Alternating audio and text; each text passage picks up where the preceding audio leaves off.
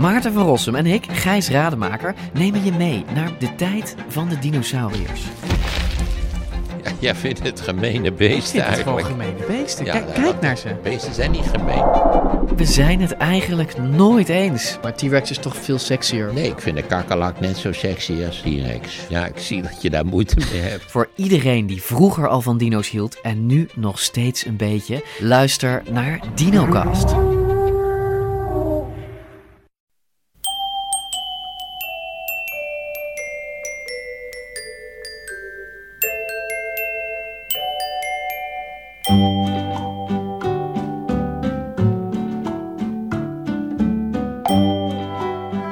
Welkom bij aflevering 393 van Echt Gebeurd. De podcast waarin mensen hun eigen waargebeurde verhalen vertellen. In de aanloop naar Valentijnsdag hebben we in deze aflevering een verhaal dat Hassan El Rahawi in april vorig jaar vertelde tijdens een verhalenmiddag rond het thema liefde.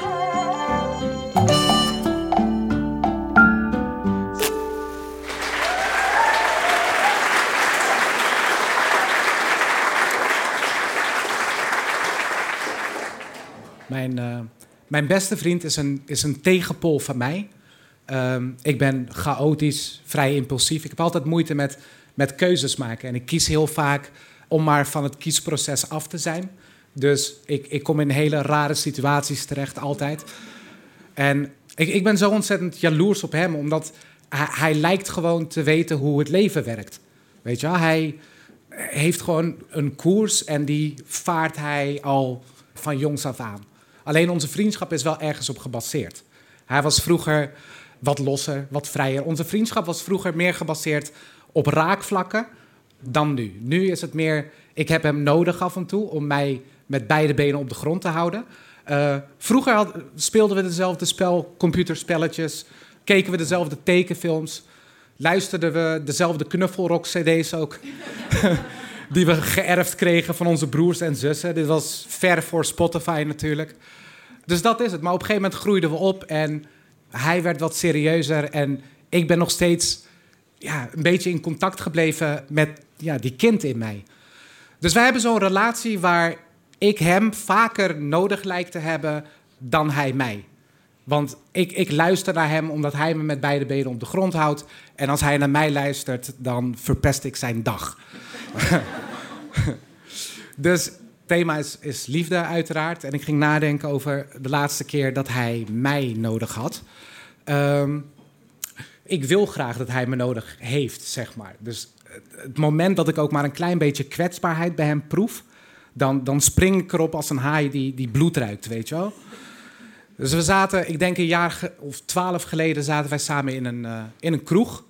Ehm, ik was aan het drinken. Hij deed dat niet, want hij is eh, moslim. En ja, we hadden gewoon een heel fijn en open gesprek. En op een gegeven moment zei hij iets in de trant van... Ja, ik heb best wel spijt van de keuze die ik heb gemaakt. Ehm, het is uitgegaan tussen mij en mijn ex-vriendin. En soms denk ik, zij had nog wel eens de ware kunnen zijn. Voor context, heel belangrijk voor het verhaal. Het is uitgegaan tussen hun twee tijdens kerst.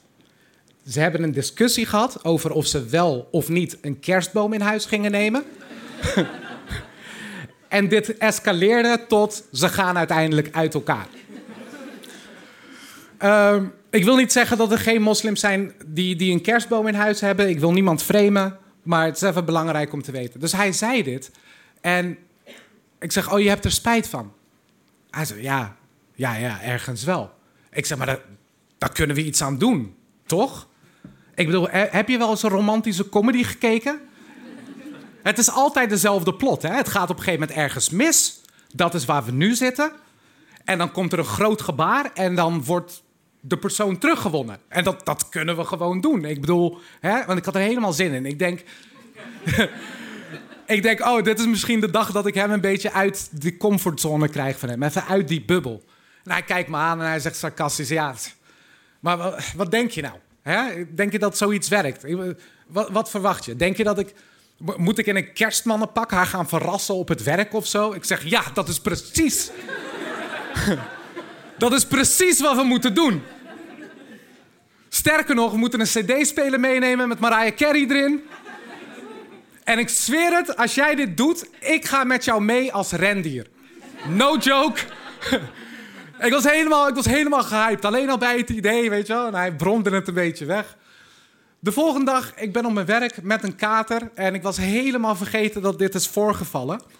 Rond een uur of drie staat hij uh, bij mijn werk. Ik werkte toen als opticien in een brillenwinkel. En hij komt op een gegeven moment de winkel binnen met twee grote tassen. Ik denk, no fucking way. En hij is dus helemaal naar Eindhoven toe gereden om die pakken te huren. Er zat een kerstmannenpak in en een rendierenpak. Ik denk, holy shit, deze man komt gewoon echt voorbereid zoals hij dat doet. Ik zei, dude, je bent... Wat? Gaan we dit echt doen? Gaan we dit, gaan we dit echt doen? Ik heb je zo zin Gaan we dit echt doen? Hij zegt, ja, we gaan dit doen. Ik zeg, no fucking way. Hij zegt, sterker nog, ik heb in de auto een cd-speler met batterijen. Want ik had de single van Mariah Carey's All I Want For Christmas thuis. Ik denk, jij hebt de single thuis? Maar oké, vet. Ik ga hier niet over vallen, want we gaan dit doen. En snel een beetje voordat hij zich bedenkt.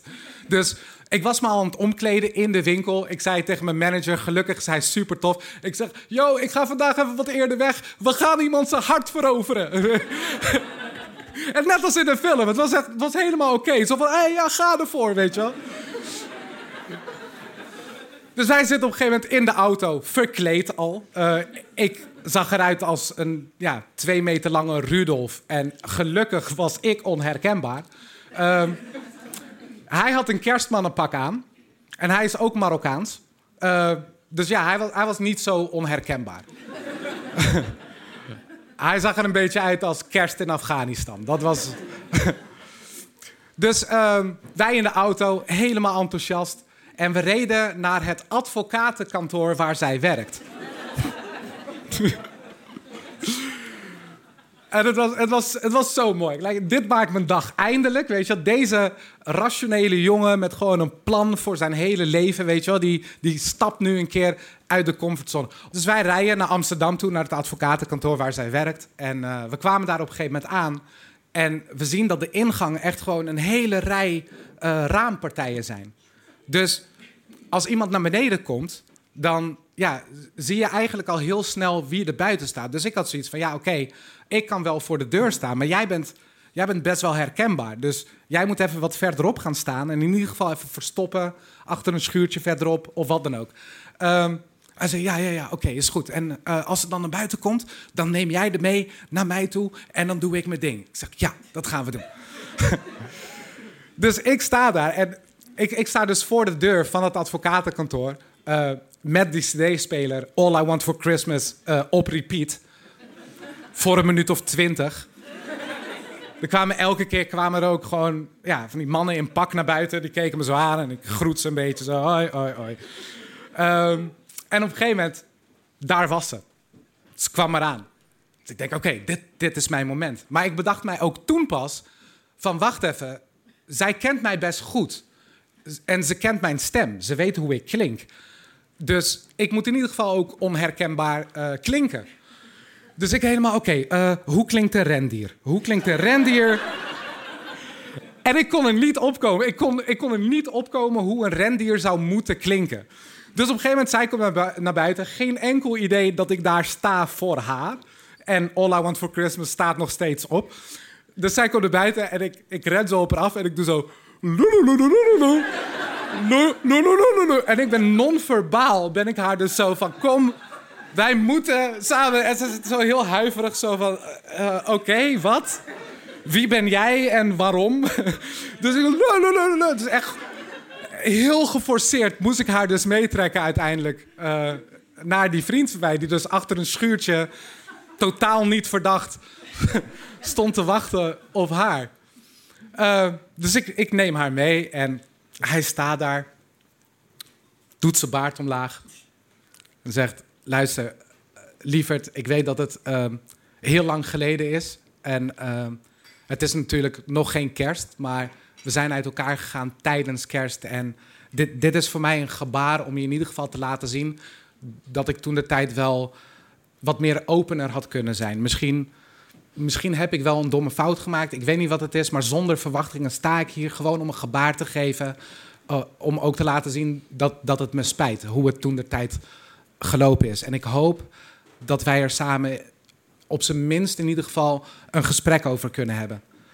En ze kijkt hem aan en ze zegt: Ik, ja, ik, ik wil dolgraag met je praten hierover, maar kan dat zonder die rendier erbij?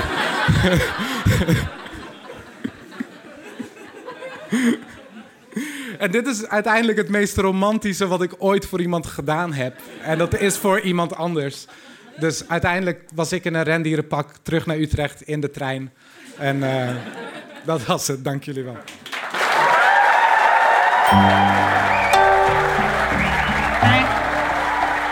Dat was een verhaal van Hassan El Rahawi.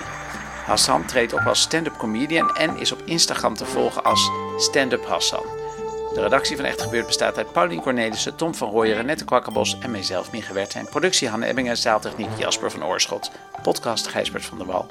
Volg ons ook op Instagram, Twitter of Facebook en steun ons als je geld missen kunt via www.vriendvandeshow.nl slash echtgebeurd. Dit was aflevering 393. We wensen al onze luisteraars een mooie en liefdevolle Valentijnsdag. Als je toch nog twijfelt, trek gewoon de stoute schoenen aan en beken je liefde. In het beste geval houd je er een relatie aan over. In het slechtste geval heb je weer een mooi verhaal om na te vertellen.